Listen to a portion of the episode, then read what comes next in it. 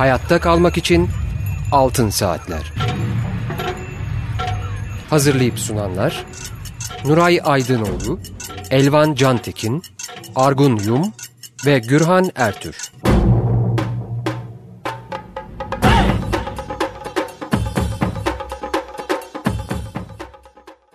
Açık Radyo 94.9'da Altın Saatler programını dinliyorsunuz. Bugünkü programı ben Gürhan Ertür sunuyorum. Telefon numaramız alan kodu 212 343 40 40. Elektronik posta adresimiz açıkradyo.com.tr Altın Saatler programlarının ses kayıtlarını Açık Radyo'nun internet adresinde podcast bölümünde dinleyebilir. Arzu ettiğiniz takdirde kopyalayabilirsiniz. Efendim e, bu hafta konuğumuz Profesör Doktor Feyzi Baban. Kanada Trent Üniversitesi Siyaset Bilimi ve Ekonomik Kalkınmalar Bölümü öğretim üyesi. Hoş geldin Feyze. Hoş bulduk Gürhan. Teşekkürler davet ettiğin için tekrar. Biz çok teşekkür ederiz. Ee, çok yoğun bir program içinde evet. bize de zaman ayırdın. Evet. Ee, geçen gün Medyaskop programındaydın. Ee, keza e, ayın 31'inde Açık Radyo'da Açık Dergi evet. programının konuğu idin. Ee, ve bunların her ikisi de e, İKSV tarafından e, yayınlanmış olan birlikte yaşamak, kültürel çoğulculuğu sanat yoluyla geliştirmek e, evet. başlıklı e, onların kültür alanında hazırlamış oldukları raporların evet. yedincisini. Yedincisi evet. Evet. kimle birlikte evet. hazırladınız? Bu şimdi herhalde e, İKSV'nin sitesinde de var. Var. Mi? Evet, evet, evet, evet. Yani online var. Evet. Dinleyicilerimiz e, İKSV'nin sitesine girerek online olarak ulaşabilirler. Şimdi biz e, neden yine bir araya geldik? Şöyle eskileri biraz karıştıralım. Geçen sene 18 Ekim 2017'de bir program yapmışız. Bu program mülteciler üzerine yürütmekte olduğunuz iki ayrı evet. araştırmanın Avrupa ayağına ilişkin ve oradaki çözüm önerilerinize evet. ilişkin idi. 1 Kasım tarihinde ise ikinci programı gerçekleştirdik. Evet. Ee, gene konumuz e, bir önceki e, programın devamı olarak gerçekleşti. Şimdi tabii aradan e, neredeyse bir yıla yakın bir süre geçti. 9 aylık bir evet. zaman geçmiş evet. vaziyette ve bu arada tabii ki hem e, Avrupa'daki çeşitli ülkeleri ziyaret ettiniz. Evet. Aynı zamanda Türkiye'de de evet. e, görüşmelerinizi yaptınız. Kimle birlikte? Evet. Bu raporlar nereden nereye geldi? Bunun evet. üzerinde biraz durmak istiyorum. E, programın sonuna doğru da İKSV tarafından yayınlanan sizin hazırladığınız raporun bir iki bölümü üzerinde de kısaca durmak istiyorum. Yalnız dinleyicilerimize hatırlatmak istediğim bir nokta var. O da biz bu programı özellikle senin e, seyahat programın nedeniyle e, daha öncesinden kaydediyoruz. Evet. Bugün ayın 3'ü ama bu program 8 Ağustos evet. tarihinde yayınlanacak. Altın Saatler programı olarak yayınlanacak. Evet, e, neresindeyiz bu evet. iki projenin e, ne durumda? Evet. Şimdi Gürhan e, geçen e, iki programda da konuştuğumuz gibi kısaca bir hatırlatırsam dinleyicilerimize de Lütfen. senin de dediğin gibi iki tane e, ayrı biraz birbiriyle ilintili ama ayrı iki e, proje yürütüyorduk. Bunların her ikisi de uzun süreli projeler. Bir tanesi dört sene, bir tanesi beş sene e, uzun süreli araştırma projeleri. Beş sene olan e, araştırma Avrupa'daki çeşitli Avrupa ülkelerinde bu İtalya, Danimarka, e, Almanya ve Türkiye'yi de kapsayan burada işte bu İKSV'nin e, kültür raporuna da e, temel teşkil eden araştırma birlikte yaşama sorunsalı üzerine bu ülkelerde yeni gelenlerle yerleşik halkın ve vatandaşların e, farklı birlikte yaşama modellerini nasıl geliştirdiğine bakıyorduk. O yaptığımız e, bir şey yaparsam kısaca da birinci öbür araştırmada dört senelik araştırmada Türkiye'deki Suriyelilerin, e, Suriyeli mültecilerin hayatlarıyla ilgiliydi. E, ve Türkiye'deki Suriyeli mültecilerin e, hukuki statüsünden buradaki şehirlerdeki yaşamasından ve yavaş yavaş da artık e, entegrasyonuna yani Türkiye'deki e, Türk e, Türkiye'li halkla ve e, Türk şehirlerinde e, nasıl yaşama modelleri geliştirdiği üzerine ve entegrasyon üzerine de o da devam ediyor. Bu yaz başında tekrar bir Antakya ve Gaziantep e, saha e, çalışmamız oldu. Yaptınız. Evet, orada gene bir biraz vakit geçirdik. E, Antakya'yı çünkü daha fazla vakit harcayamamıştık. Antakya'ya başladık bu, e, bu sene. Biraz da ona bakmaya. Bu yeni, evet. Bu yeni, evet. E, ikisi öyle gidiyor. Şimdi bu e, birinci araştırmada Avrupa'yı kapsayan yani birlikte yaşama araştırmasında bu son yaptığımız e, programda e, İtalya ve Almanya e, örneklerini konuşmuştuk. Doğru. Oradaki e, bazı vatandaş inisiyatiflerine bakmıştık. E, Uber'den Teleran mesela o mutfak projesi vardı onu konuşmuştuk. E, yanılmıyorsam e, beni düzelt eğer hafızam beni yanıltıyorsa Mariana Felde e, mülteciler misafirhanesindeki sergiden bahsetmiştik. Her ikisi de zaten bu İKSV raporunda da ayrıntılı anlatılıyor. Yer alıyor. Yer alıyor. Bu e, son yaptığımız programdan sonra Danimarka e, örneği üzerine Danimarka üzerinde kısaca durmuştuk ama daha çok yeniydi çok o zaman. Yeniydi, e, evet. Danimarka'ya o zaman ilk e, saha e, gezisini yapmıştık. Danimarka çok yeniydi. Bu geçtiğimiz 9 ay içerisinde e, Danimarka sahasını bayağı bir genişlettik. Orada bir e, e, veri topladık ve Danimarka'daki durumu daha iyi anlamaya e, çalıştık. E, o araştırmada e, ki şu andaki en son geldiğimiz yer o onunla ilgili e, bir takım tabii yayınlar çıktı ama o araştırmada tabii konuşacağız daha sonra İKSV raporunun da altyapısını teşkil ediyor. Oluşturdu. E, oluşturdu. Eğer istiyorsan biraz Danimarka'da olanlardan e, konuşabiliriz. Öncelikle İtalya'yı hmm. sormak istiyorum. Çünkü evet. İtalya'da çok enteresan evet. e, bir küçük belediyedeki evet. örnek evet. üzerinde evet. durmuştuk. Evet. Riazza kasabası, kasabası örneği evet. üzerinde durmuştuk. Tabii evet. ki e, bütün Avrupa'da e, şunu da çok merak ediyorum geçen seneye Hı. göre e, daha bir gerilemeden mi bahsediyoruz yoksa gerçi sizin ilgilenmiş olduğunuz örnekler biraz da sanat ve kültür faaliyetleri evet. örnekleri evet. ama e, genelde sorunları biliyoruz tabii, sorunların ne tabii. kadar arttığını biliyoruz tabii, ama tabii bu artan sorunlar aynı zamanda bu projeleri de evet. e, etkiliyor mu? Evet. Şimdi e, zaten ya bu İKSV raporunda sanat ve kültürle ilgili olan e, projelere evet. yoğunlaştık. Ama tabii bizim o daha geniş olan araştırmada sanat, kültür ama onun dışındaki mesela bu Riyadse örneği gibi evet. yahut da mesela yerel yönetimde işte yerel çok enteresan bir e, örnek. Yahut da birlikte yaşama mesela aynı bina içinde birlikte yaşama projeleri o farklı şeylere de tabii bakıyoruz mesela Berlin'de ondan sonra e, Riyadse'de. Şimdi Riyadse'ye e, İtalya'ya aslında e, bu sonbaharda tekrar bir saha şeyimiz olacak. Tam da senin dediğin gibi yeni durumu anlamak için. Evet. Çünkü son programı yaptığımızdan bu zamana İtalya'da hükümet değişti. E, ve Beş Star e, e, popülist hareketi e, sağ aşırı sağ bir popülist hareketle koalisyon kurdu biliyorsun. Kurdular. Ve şu andaki e, İtalya İçişleri Bakanı Silva aşırı sağ partiden gelen e, ve e, göçmen karşıtı politikalarla e, kendini göstermiş ve çok sert söylemi olan bir politikacı ve zaten hemen İtalyan hükümetinin de e, siyasetine yansımaya başladı. Evet, örneklerini gördük. E, örneklerini gördük. Gelen e, Afrika'dan gelen gemileri kabul etmemek, çevirmek, deniz ortasında bırakmak. bırakmak. E, İspanyollar en son gelen gemiyi kabul ettiler. Çünkü bu insanlar denizin ortasında kalmışlardı.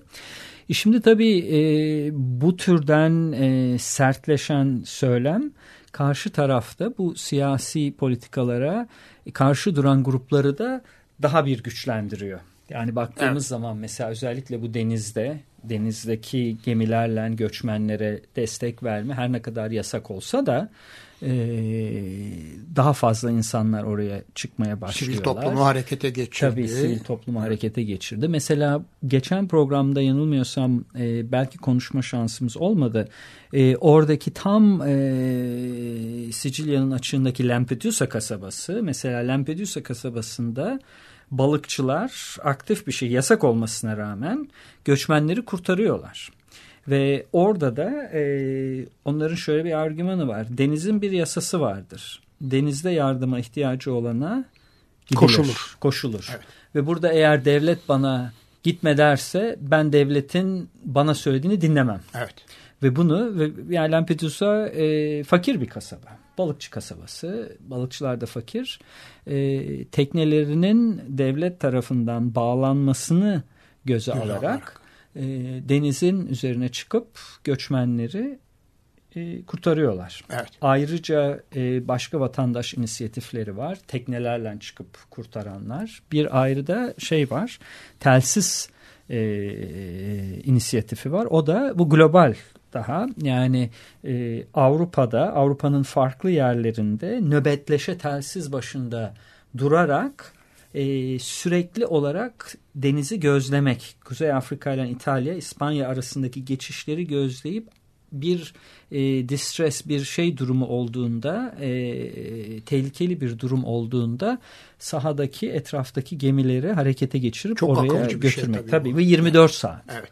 24 Telsiz saat ağı telsiz oluşturulmuş ağı vaziyette. oluşturulmuş vaziyette ve 24 saat bu gönüllüler oradalar. Bunların hepsi yani akademisyenler var. Bunların içerisinde doktorlar var, sanatçılar, yazar, her türden insan e, var ve bir e, gönüllü ağ içerisinde 24 saat bu e, Gözlem altında gözlem tutuyorlar. altında tutuyorlar denizi ve herhangi bir tehlike sinyali geldiği zaman SOS sinyali geldiği zaman bir tekneden çünkü çok batıyor bu tekneler anında e, haber verip onları e, kurtarma harekatı E, ve yani bir geniş bir ağ var geniş bir e, gönüllüler ağı var. Şimdi bu çerçevede biz tabii tekrar Ri- Riyatsi'ye gidip Aslında o kadar Evet, önemli evet. bir örnek verdin ki yani bu Türkiye'de de çok rahatlıkla uygulanabilir. Yunanistan'la da Tabii. birlikte hareket Tabii. edilerek yapılabilir.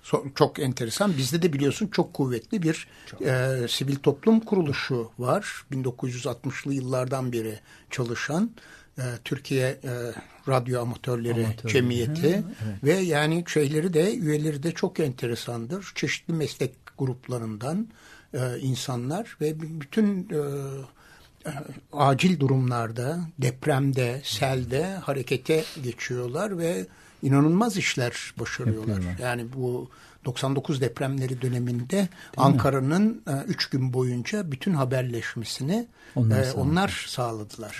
Evet. Yani bu tabii bizim açımızdan çünkü bi- biliyorsun Ege geçişlerinde de bayağı ciddi miktarlarda tabii. can kaybı Evet. oldu. Evet. O anlamda da tabii Ve hala da devam ediyor bu. ediyor. Yani daha azaldı tabii eskiye göre. Çünkü yani Suriyelilerle ilgili yaptığımız araştırmayı konuştuğumuz zaman ondan da ilgili tabii konuşuruz. Ee, Suriyelilerin batı sahillerine gidip oradan geçmesi oldukça zorlaştı. Evet. Ee, o şu anda hareket e, serbestisi e, yok. E, şehirlerden çıkmaları bayağı zorlaştı. E, Suriyelilerin Evet. e, kaldıkları yerlerde. Onun üzerinde de duracağız Konuşacağız, dediğin evet. gibi. Evet. Şimdi e, hemen Danimarka'ya geçelim. Çünkü çok taze bilgiler var. Evet taze kadarıyla. bilgiler var. Danimarka bir de tabii şu açıdan ilginç. Yani Danimarka e, bir İskandinav e, şeysi içerisinde e, tecrübesi içerisinde yabancılarla ve birlikte yaşamayla nasıl e, bu sorunla ilgilenebiliriz şeyine de ilginç bir cevap veriyor. Çünkü Danimarka şu anda biz birlikte yaşamak istemiyoruz söylemi var Danimarka'da. Evet. Hem de çok güçlü. Ağırlıklı olarak. Hem de ağırlıklı ve Danimarka biraz böyle çelişkili bir ülke. Ki- Çünkü bir yandan böyle baktığımız zaman bütün indekslerde en yukarılarda çıkıyor. Tabii. Dünyanın en mutlu ülkesi. Ee, Gelir çok yüksek. Gelir çok yüksek. kişi refah düşen- seviyesi çok yüksek. Refah devleti ve hala yani o 30 yıllık bir neoliberal politikalara e, küresel neoliberal politikalara rağmen refah devletinin sürdüre, sürdürülebildiği bir yer. Evet. 5 milyon nokta 7 yani 6 milyona yakın bir nüfus. Nüfus. Dolayısıyla burada ya baktığımız zaman da e, e, yani Danimarkalı olmayan kökeni Danimarkalı olmayan hani diyelim sonradan gelmiş Danimarka'ya yaklaşık nüfusun yüzde 12'sini e, Bu da çok ciddi bir oran. Şimdi Evet. tabii bu önemli bir oran. Yani nüfusun yüzde onu göçmen kökenli. Göçmen kökenli. Göçmen kökenli. E, o anlamda da bütün bu çelişkilerin bir araya geldiği ilginç bir örnek Danimarka ve şu anda bizim Danimarka'da gördüğümüz e, hem devlet yani hükümet politikaları düzeyinde hem de çok güçlü bir kamusal e, tartışma göçmenlerle birlikte e, yaşama istememe iradesi üzerine. Ve hem mültecilerle ilgili hem de orada yaşayan artık Danimarka vatandaşı olmuş göçmenlerle ilgili oldukça rahatsız edici e, yeni e, kurallar ve yasalar geçiyor Danimarka'da. Ve bu vatandaş inisiyatiflerini de tabii onunla ilintili ol, olarak görmemiz gerekiyor. Tabii. Çünkü belki sen de görmüşsündür e, yeni böyle bir 25 maddelik Danimarka e, parlamentosuna e, bir onların işte geto yasaları dediği bir e, yasalar bütünü getirdiler. Şimdi tabii lisan düzeyinde problem başlıyor Danimarka'da. 25 tane onların açıkça geto olarak tabir ettikleri e, şehirlerde belli mahalleleri tespit ettiler. Bu mahalleler çoğunlukla gelir düzeyi düşük, göçmen kökenli ve Müslümanların yaşadığı yerler.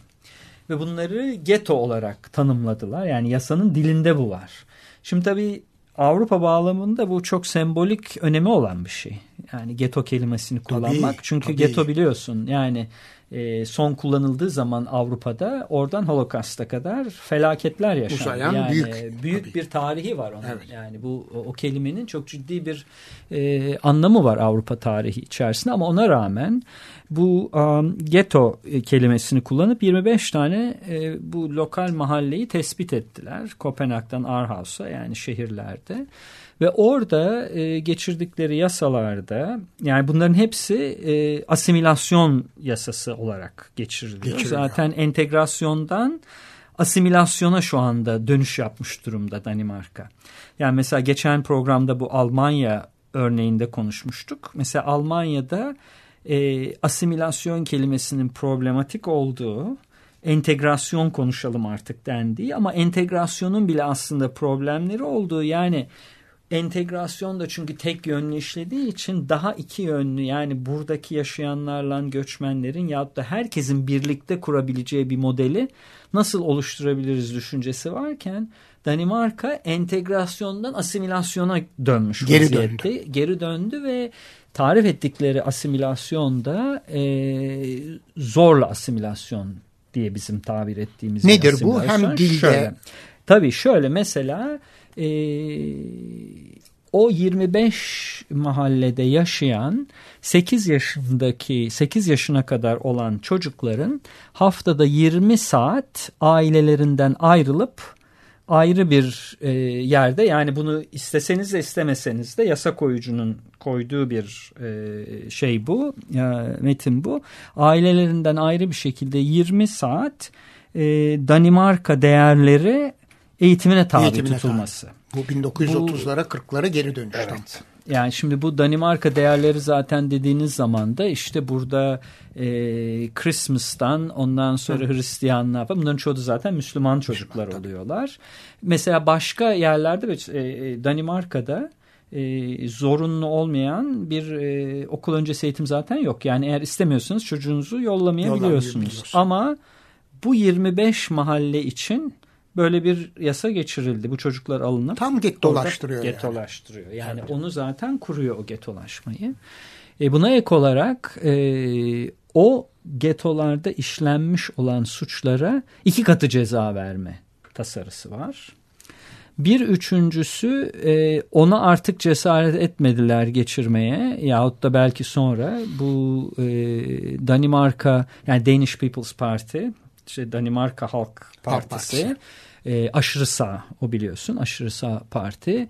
E, onun e, onların bir bu tasarıya ek yapmaları vardı. O da saat 8'den sonra e, belli bir yaşın altındaki gençlerin sokağa çıkma yasağı konması. Daimi olarak. E, orada artık dediler ki bu biraz fazla oluyor Yani bunu da koyarsak o zaman bunu anlatmak çok zor. Ee, yani ama bütün e, şeysi tabii bu e, bu yasaların yavaş yavaş geçiyor bunlar. En son burka yasağı da geçti biliyorsun. Birkaç gün önce protestolar oldu. Ee, ya yani kamusal alanda burka takma yasağı var. Bu arada yani şunu da tabii söyleyeyim. Danimarka'da burka takan kadın sayısı 100. Yani 100 tane kadın var. Yani 100 kadın için e, bu yasa geçmiş durumda. E, ve polis ceza kesip evlerine yollama e, hakkı var polisin. Yani sokakta gezmeyeceksin deme hakkı var. Şimdi tabii bunlara baktığımız zaman aslında burada Danimarka'da yapılan hadise entegrasyon değil. Yani çünkü entegrasyon yahut da asimile çünkü böyle asimile etmeniz mümkün değil. Böyle yaptığın zaman zaten bir tanımlıyorsun geto. O tanım zaten çoğu Müslümanlara yönelik olarak e, getirilmiş. Ve orayı da kapalı alan orayı kapalı alan, alan haline getiriyorsun. Ama uzun vadede yani bizim orada yaptığımız görüşmelerde de gördüğümüz yani biraz burada hayatı yaşanmaz hale getirip insanları ben gideyim artık evet, Danimarka'dan. Ülke dışına, ülke dışına. Çünkü yolu. aynı şeyi mültecilerle ilgili yasalarda da görüyoruz. Çünkü Danimarka e, hem göçmenlerle ilgili böyle yasalar geçirirken mültecilerle ilgili de oldukça rahatsız edici yasalar mesela geçirdi. O da e, mültecilerin ülkeye geldiği zaman yanlarındaki değerli eşyaların alınması ve onların satılıp masraflarına kullanılması. Mesela eğer mücevheriniz, yüzüğünüz falan varsa e, Danimarka hükümetin onları sizden alıp ben bunları sana yapacağım masraflara karşılık kullanıyorum deme hakkı var. Bu da tabii gene e, kişisel eşyaların e, devlet tarafından el konulması bize kırkları hatırlatıyor. Tabii. Özellikle Musevi toplulukların Almanya'da mallarına el konulması, el konulması, mülteci olduktan sonra el konulması bunlar çok rahatsız edici tabii şeyler. Bir ikincisi de e, mültecilerin e, çok uzun süre bazen mesela iki yıl süren e, bir e, zaman dilimi içerisinde mülteci misafirhanelerine neredeyse kapatılması beklerken yaptıkları başvurunun sonucunu ve e, burada hiçbir sosyal servis yok. Hiçbir sosyal ve e, mülteciler de burada çok ciddi bir şekilde depres depresyon, bunalım, şiddet çünkü böyle bir ya hapishane tabii, gibi tabii. bir durum ve çok kısıtlı e, durumlarda dışarıya çıkabiliyorlar.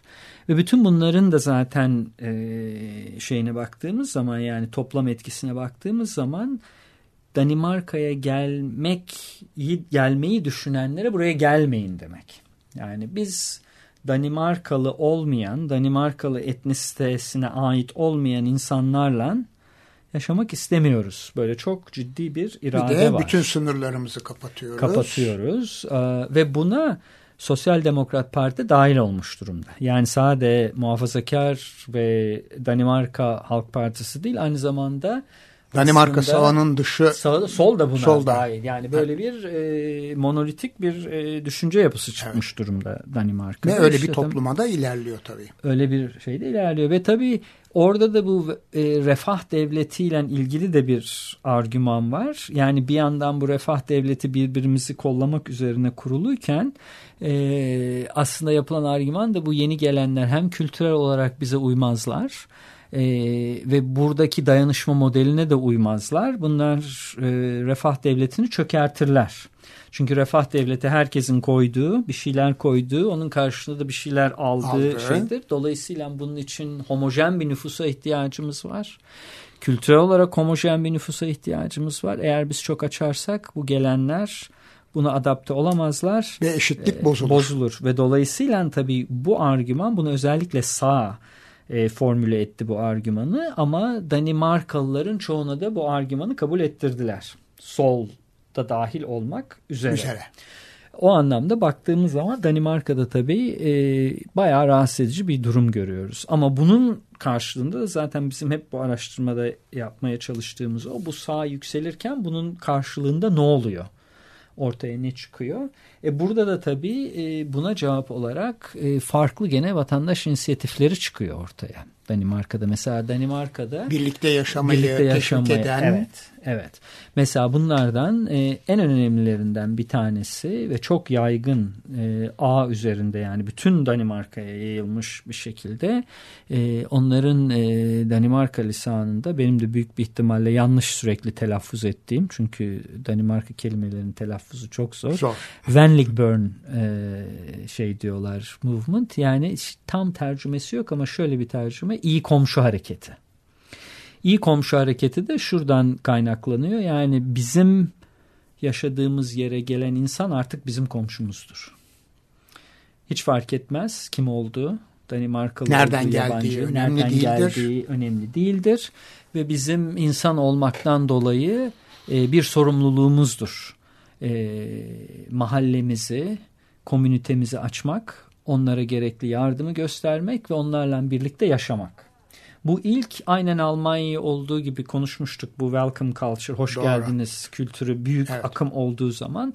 işte Danimarka'ya da öyle bir akım olmuştu tam o e, iki sene önce. İlk Venligburn böyle başlayıp ondan sonra yayılan e, aynen Almanya'daki hoş geldiniz kültürü gibi yayılan lokal e, e, şeylerde, şehirlerde, kasabalarda e, temsilcileri olan ve mültecilerle e, Danimarkalıların birlikte dayanışma içerisinde yaşadığı modeller. Bu tabi bu da başka e, bir ağ.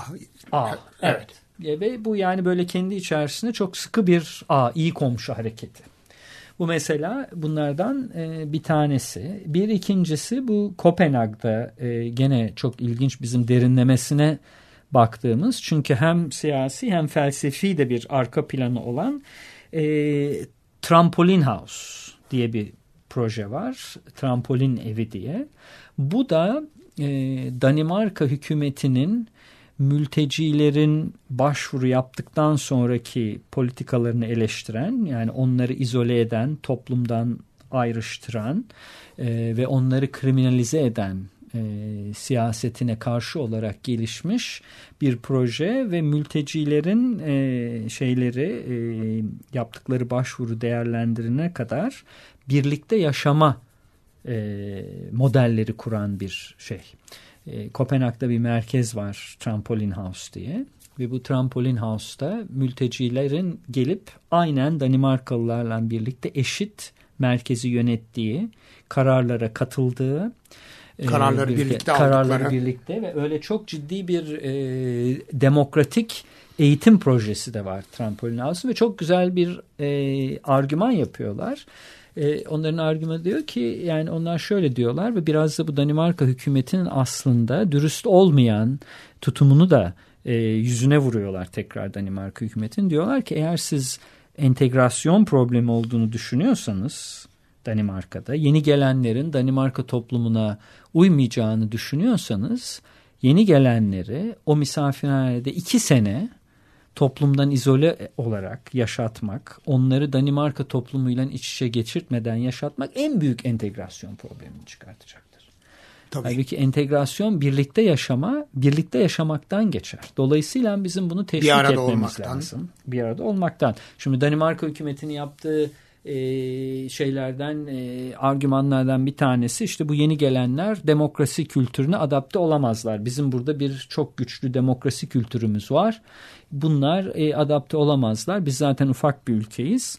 Bizim sistemimiz çöker. Trampolin House diyor ki işte biz burada Trampolin House'da birlikte yaşama, demokratik prensipler üzerine birlikte yaşama modeli geliştiriyoruz. Bundan daha iyi entegrasyon olabilir mi?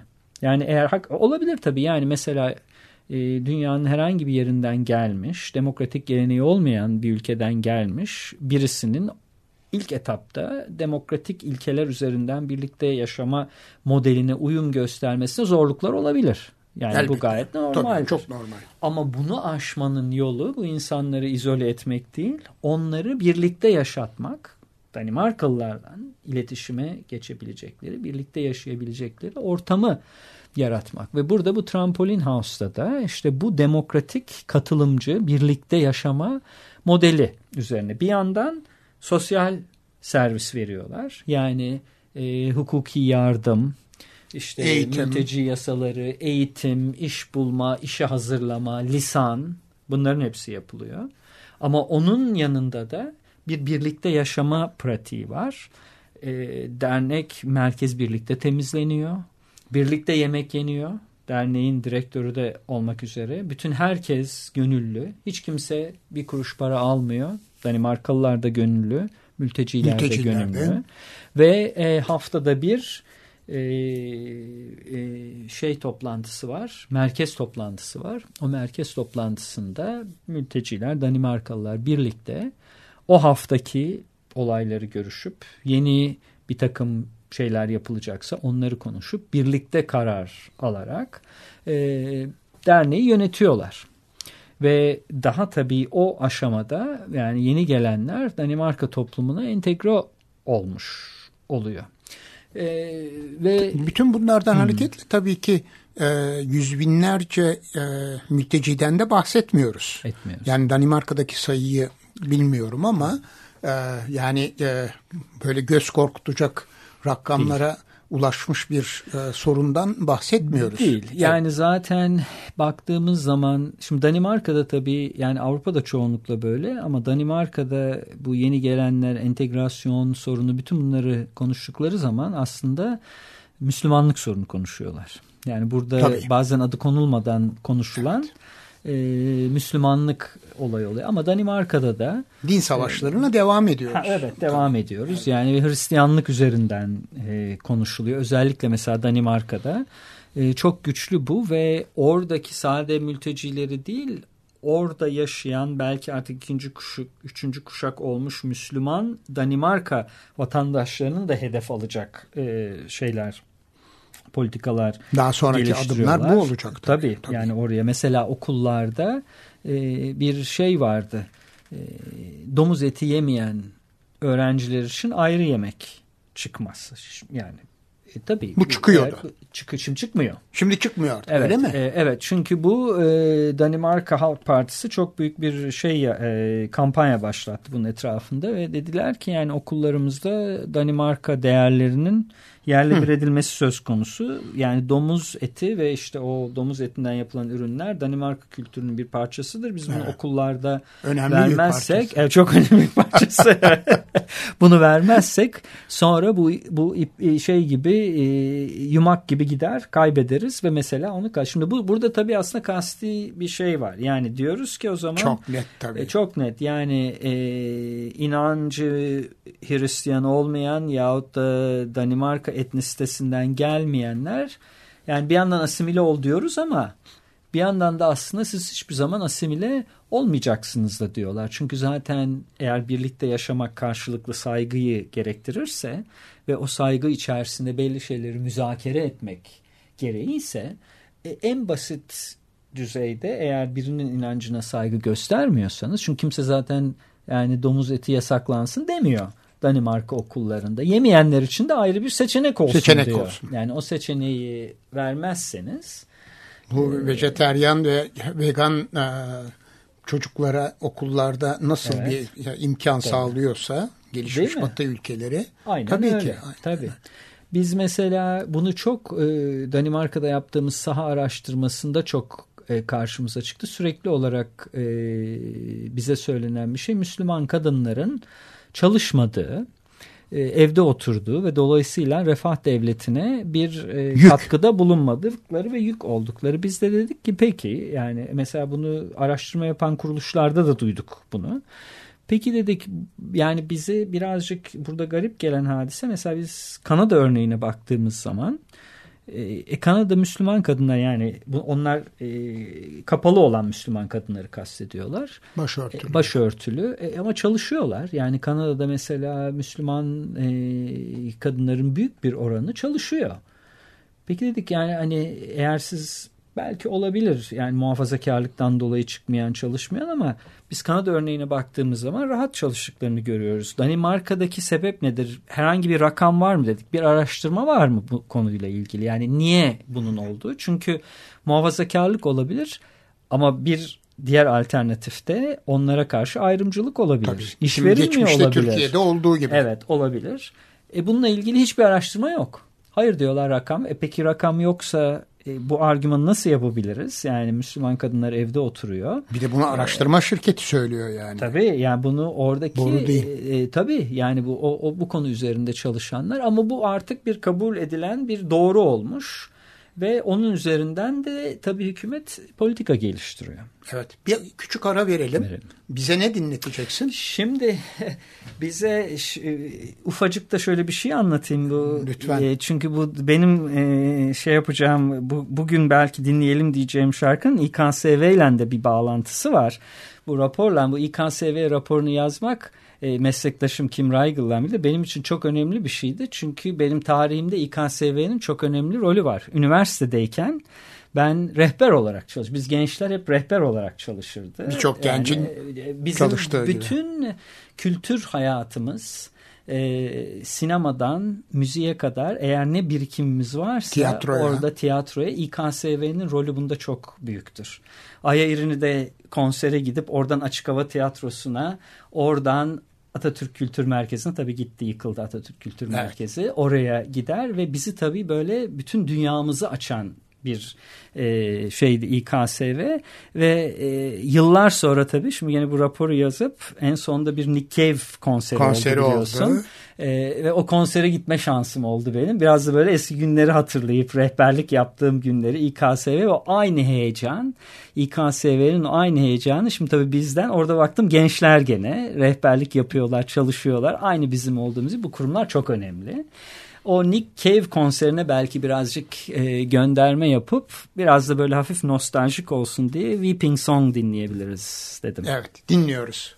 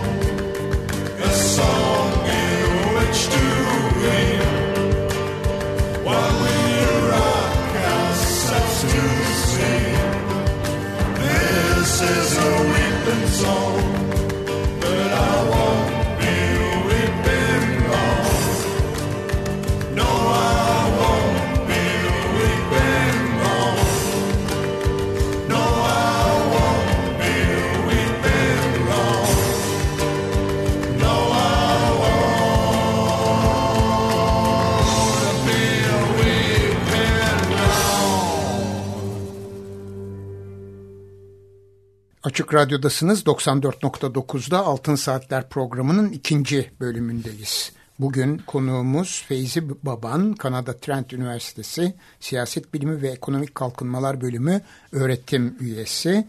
Mülteciler üzerine yapılan araştırmalardan bahsediyoruz ve Danimarka çökertti.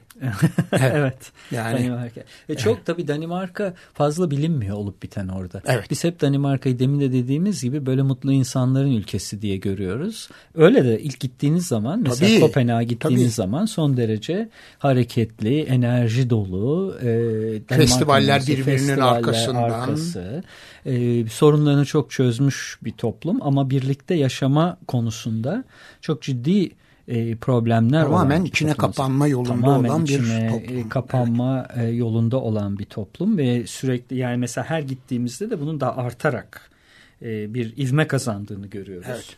O da tabii çok e, endişe verici ama yani mesela bu demin konuştuğumuz işte e, Trampolin House örneğindeki mesela orayı oranın kurucusu olanlar o, o grup Danimarkalılar onlar diyor ki yani bu sadece mültecilerle ilgili bir olay değil. Olamaz zaten. Bu yani Danimarka demokrasisinin geleceği için de çok önemli. Yani bizim e, yeni gelenlerle ve burada olanlarla bir yaşama modeli kurmamız. Çünkü bunu yapamazsak Danimarka demokrasisi aslında çökecek.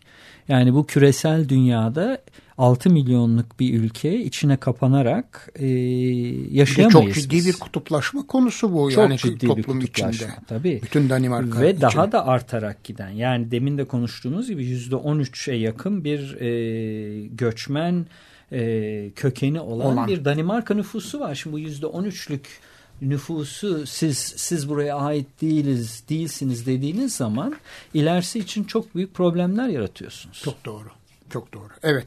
e, zamanımız azaldı. Onun için e, hemen Almanya'yı bir tarafa bırakalım. Evet. Çünkü daha önceki programlarımızda o programlarda e, Açık Radyo'nun e, internet adresinde podcast e, da e, bulabilirler dinleyicilerimiz ve bugünkü programla da birleştiği için onu özellikle de tavsiye ediyoruz. Geçen yıl 18 Ekim ve e, 1 Kasım tarihinde yapmış olduğumuz iki ayrı programdan bahsediyorum. Evet, e, şimdi e, Türkiye konusunda da çok kısaca duralım. Türkiye'deki durum e, nedir? Evet. Bir önceki yıla göre ondan sonra da e, hemen İKSV raporu Evet. üzerinde birkaç konuyu konuşalım. e, Türkiye'deki durum tabii Suriyelilerle ilgili. Ya biz devamlı değişen bir durumdan bahsediyoruz. Bahsediyoruz, E, yani çok büyük bir sayı var. 3,5 milyona yaklaşan resmi olarak. Belki gayri resmi de daha fazla da olabilir tabii bu sayı. 3,5 milyona yaklaşan ve artık bu sayının büyük bir çoğunluğunun da Türkiye'de yaşayacağı bir durumdan artık söz ediyoruz. Yani büyük bir çoğunluğunun geri gitmeyeceği ve e, yaklaşık yüzde e, yetmişine yakınının da e, genç nüfus olduğu Oldu. e, ve bu genç nüfusun içerisinde de e, Suriyeli e, çocukların yani 15 yaş altı e, çocukların da yüzde yetmişin de henüz daha doğru dürüst okula gitmediği bir durumdan söz ediyoruz. E, dolayısıyla Suriyelilerle ilgili bizim de tabii birlikte yaşama nasıl bu birlikte yaşama olacak? O, o tabii ciddi bir e, soru. Bizim de üzerinde düşünmemiz gereken bir soru. E, Her günde bunun olaylarıyla karşı karşıya tabii, kalıyoruz. tabii. Evet. Yani aslında Maalesef. tabii bir e, parantez şurada bir tek şunu söyleyeyim. Yani Suriyelilerle ilgili e, Türkiye'de ayrımcılık ve e, belli yerlerde şiddet var. Ama rakamı göz önüne alırsak yani 3,5 milyon rakamını ve mesela Kilis artık e, Suriyeli nüfusun e, Türk Türkiye'li nüfustan fazla olduğu bir e, il. Gaziantep'te 500 bin. E, Antakya'da ona yanaşıyor. Urfa'da yani bazı şehirlerde çok büyük miktarda çok kısa sürede çok büyük miktarda e, bir e, yeni gelen nüfusu söz konusu. Buna baktığımız zaman aslında e, yani Türkiye'de böyle o hayatın organikliği içerisinde bir birlikte yaşama oluyor. Evet. Yani çok büyük Çok daha fazla olay çıkmasına Evet. Çok daha Ee, yani mesela ben şimdi şöyle düşünüyorum 3,5 milyon baktığınız zaman Türkiye nüfusu yüzde e, 80 milyon yüzde 5 diyoruz. Yani Evet. 5 sene içerisinde nüfusun yüzde 5'ine yaklaşan bir insan e, katıldı Türk nüfusuna farklı bir e, arka plandan. Mesela Avrupa toplumlarının da bunu içine alması çok zor olurdu. O anlamda tabii yani Türkiye'de e, onu da belki bir pozitif olarak bakmamız lazım. Daha büyük şiddet olayları olabilirdi. E, olmuyor ama bizim tabii şu anda bakmamız ve e, düşünmemiz gereken olan hadise nasıl birlikte yaşayacağız? E, ne diyeceğiz Suriyelilere yani bizle birlikte yaşarken? Çünkü biz geçen programda da konuştuğumuz gibi birlikte yaşama konusunda kendi içimizde de problemleri olan bir toplumuz. olmaz mı? Ee, Kutuplaşmanın yani kutuplaşmanın çok fazla olduğu, olduğu. tabii yani çözemediğimiz bir Kürt sorunu, e, layık muhafazakar sorunu, daha önceki deneylerimizde düşünecek olursanız e, e, azınlıkların, gayrimüslimlerin e, Kimlik yüzyıllardır yaşadıkları, burada yaşayamayacak hale gelmiş olmaları, çoğunun kalk gitmiş olması.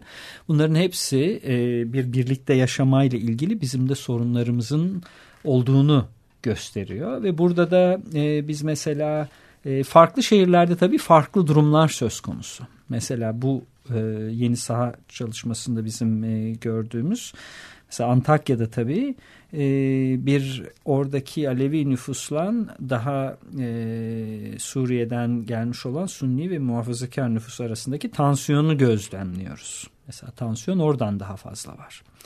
Halbuki Gaziantep örneğine baktığımız zaman gene e, din kökenli bir Orada tabii yani mezhepsel karşı bir problem karşı, karşıyayız. Mesela Antep'e baktığımız zaman Antep'te daha etnik olarak görüyoruz. Çünkü Antep'te e, kompozisyonu itibariyle şehrin kendisini tanımlaması itibariyle de daha böyle e, Türk e, nüfusun fazla olduğu ve Suriyelilere dışlamanın onun üzerinden yapıldığı bir e, ortam söz konusu. Ama e, bürokratik olarak yani genel statü olarak hala Suriyelilerle ilgili tabii ciddi problemler var. Yani şöyle biz buna bakıyoruz ilk evvela e, hukuki statüden ondan sonra işte ev, iş bulma yani o e, temel Hayatın sürdürülebilmesine yani, ilişkin. tabii.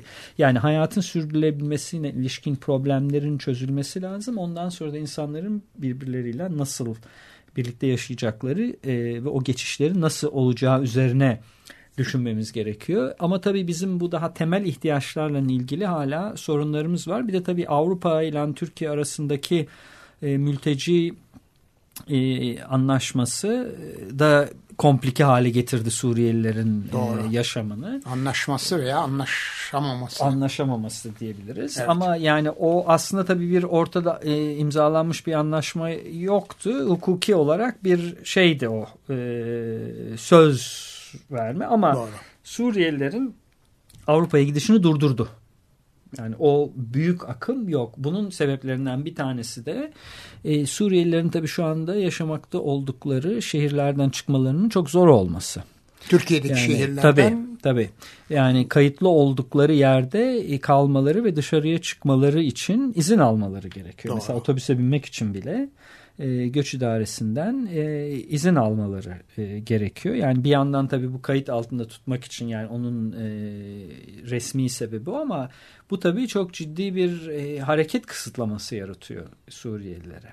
Mesela burada benim e, geçen programda da yanılmıyorsam bahsetmiştim. E, Kariye Müzesi'nin karşısında Pages diye bir e, kitapçı açılmıştı Suriyeli Doğru. bir e, e, kişi tarafından Samir isminde çok da e, akıllı çok sofistike e, ve İstanbul'da çok seviyordu. Biz ondan en son konuştuğumuzda ben dedi başka bir yere e, gitmek istemiyorum çünkü yani bu şehirde çok rahatım. Yani kendime ait hissediyorum açtım ama bu son geldiğimizde Avrupa'ya gitmişti. Evet. Çünkü yapamadı. Yani İzmir'e mesela gitmem gerekiyor. Ee, orada kitap fuarına gidemiyorum çünkü izin almam lazım. E, bu zorluklar tabii bürokratik zorluklar çok e, e, hayatı zorlaştırdı. Zorlaştırıyor. e, Doğru. Suriyeliler için ve hala daha söz konusu. E, yani hükümetin aldığı politikalar bir kısmı iyi niyetle alınıyordu olsa çok değiştiği için, çok sık değiştiği için yahut da anlık olarak uygulandığı için Suriyelilerle ilgili çok belirsizlik durumları ortaya çıkartıyor. Vatandaşlıkla ilgili olan prosedürler hala açık değil. E, vatandaşlık verilen Suriyeliler var ama onun kriterleri belli değil. Nasıl veriliyor, hangi kriterlere göre veriliyor o da daha henüz açık değil. O da tabii Suriyeliler açısından e, bir belirsizlik ortaya çıkartıyor. Özellikle eğitimli orta sınıf Suriyeliler açısından belirsizlik ortaya çıkartıyor. Dolayısıyla yani hem altta birlikte yaşama hem de üstte Suriyelilerin temel ihtiyaçlarıyla entegre edilmesi konusunda hala sorunlarımız mevcut. Evet. e, bu raporda bu süreçten çıktı anladığım kadarıyla. Evet. Çünkü e, Biennale'de de Evet. siz bir e, çalışma, Evet. araştırma yürüttünüz. Evet. Ve arkasından birlikte yaşamak, kültürel çoğulculuğu sanat yoluyla geliştirmek raporunu çıkarttınız. Başta Evet. da söylemiştik İKSV'nin internet sitesinde bu rapora ulaşmak mümkün. Nasıl bir süreçten e, hareketle çıktı bu rapor? Şöyle aslında yani biraz da e, tesadüf de oldu. Çok da iyi bir tesadüf oldu aslında. E, geçen programda konuştuğumuz biliyorsun Gaziantep'te bir Kırkayak Kültür Sanat Merkezi vardı. Onların düzenlediği bir e, çalıştay, kadın çalıştayı e, söz konusuydu. Ben oraya gitmiştim e, bizim bu araştırma çerçevesinde gözlemlemek için. İKSV'nin e, kültür sanat e, politikaları direktörü Özlem Ece de oradaydı. Ben bir kısa bir sunum yaptım bizim bu araştırmayla ilgili. Onlar da tam bu konuda İKSV'de tam bu konular üzerine düşünüyormuş. Yani Türkiye'de bir yandan büyük miktarda bir yeni bir Suriyeli nüfus var. Öte yandan bizim var olan sorunlarımız var. Kültür ve sanatın bu birlikte yaşama sorunsalına katkısı ne olabilir? Ne olabilir? Zaten onlar da bunun üzerine düşünüyormuş. Bizim e, araştırma da böyle tam neredeyse çakıştı üst üste ve e, Özlem de daha Çok iyi sonra bir tesadüf çok iyi olmuştu. bir tesadüf oldu ve onlar e, bize sordular böyle birlikte meslektaşım Kim Reigel'la birlikte bunu e, yapıp yapamayacağımız üzerine e, biz de memnuniyetle dedik tabii ve bu rapor çıktı ortaya. Evet. E, bu raporda en önemli tanımlardan birisi e, bu, bunu da bu raporda rastlıyoruz. E, ve e, onun üzerinde de aslında daha uzun konuşmak isterdim ama e, radikal kozmopolitlik Evet. neyi kastediyoruz? Radikal kozmopolitlikten şunu kastediyoruz Gürhan. Yani asimilasyon ve çok kültürlülüğün ötesine geçen bir yaklaşım. Asimilasyon benim gibi ol demek. Ama o benim gibi ol hiçbir zaman olamıyor. Olamıyor. Çok kültürlülükte seni tanıyorum demek. Ama seni tanıyorum dedikten sonra birlikte nasıl yaşayacağı sorusuna cevap vermemek. Evet. İşte orada o silolar Farklılığı çıkıyor. kabul ediyoruz. Ediyoruz Ama, ama yani sen orada dur ben sen de orada burada dur, durayım. ben de burada durayım. Onun da problemleri var. İşte bu radikal kozmopolitlikte de farklılığı kabul ediyoruz. Ama o farklılıkla birlikte yaşamayı düşünmemiz lazım. Evet. Yani o farklılıklarımızı tanımlarken, kabul ederken bizi birleştiren şeyleri de e, kurmamız gerek yaklaşım üzerine kurulu. Ve burada da üç prensip zaten bu rapordaki bütün örneklerde o prensipleri hayata geçirmiş olan organizasyonlardan seçilmiştir. Bunlardan bir tanesi eşitlik temeline. Yani yeni gelenden orada olanın ilişkisi bir hiyerarşi üzerine vatandaş vatandaş olmayan değil bir eşitlik ilişkisi üzerine kurulmalı. İkincisi çoğulculuk yani farklılığı kabul et. Kabul etmek. Üçüncüsü de birlikte Ve içselleştirmek ve tabii. içselleştirmek tabii. Ve bir üçüncüsü de bu farklılığı kabul edip birlikte yaşamaya başladığımız zaman birlikte dönüşeceğimizi de kabul etmek. Yani sen ve ben ilişkiye girdiğimiz zaman bunun sonucunda belki başka birisi olacağız. Kültürel olarak yani o anlamda mesela Suriyeliler geldiği zaman Türk kimliğine belki etkileri olacak. Kültürel olarak farklı olarak e, günlük Ve bunu da bir hayatta- zenginlik olarak bunu da bir zenginlik olarak görmemiz göreceğiz. lazım. Yahut da o günlük hayat içerisinde mesela mahallemizde yaşarken orada belki bir takım yeni pratikler geliştireceğiz. Evet. Kendi bakışımızı değiştireceğiz. İşte radikal kozmopolitikten bunu Evet, kastediyoruz. dünya hepimize ait. Evet. Sonuç Evet, olarak evet, değil mi? evet. Evet. e, Feyzi Baban çok çok teşekkürler. Sağ olasın. Ben teşekkür ederim Aradan Gürhan. 9 ay geçti ve biz yeniden bir araya geldik. E, yine mülteciler üzerine yapılan yapmakta olduğunuz araştırmalardan bahsettik ama bu sefer elimizde bir de kültürel çoğulculuğu sanat yoluyla geliştirmek e, birlikte yaşamanın önemli unsurlarından, etki- etkenlerinden birisi olarak böyle bir rapora da imza attınız. Ellerinize sağlık. Çok teşekkür ederiz. Ben teşekkür ederim Gürhan. Evet efendim. e, bu hafta konuğumuz Profesör Doktor Feyzi Baban idi. Kanada Trent Üniversitesi Siyaset Bilimi ve Ekonomik Kalkınmalar Bölümü öğretim üyesi. Bugünkü programımızın destekçisi Gülşen Yenice'ye teşekkürlerimizi iletiyoruz. Programı burada kapatıyoruz. Gelecek hafta yeni bir Altın Saatler programında görüşmek dileğiyle. Hoşçakalınız.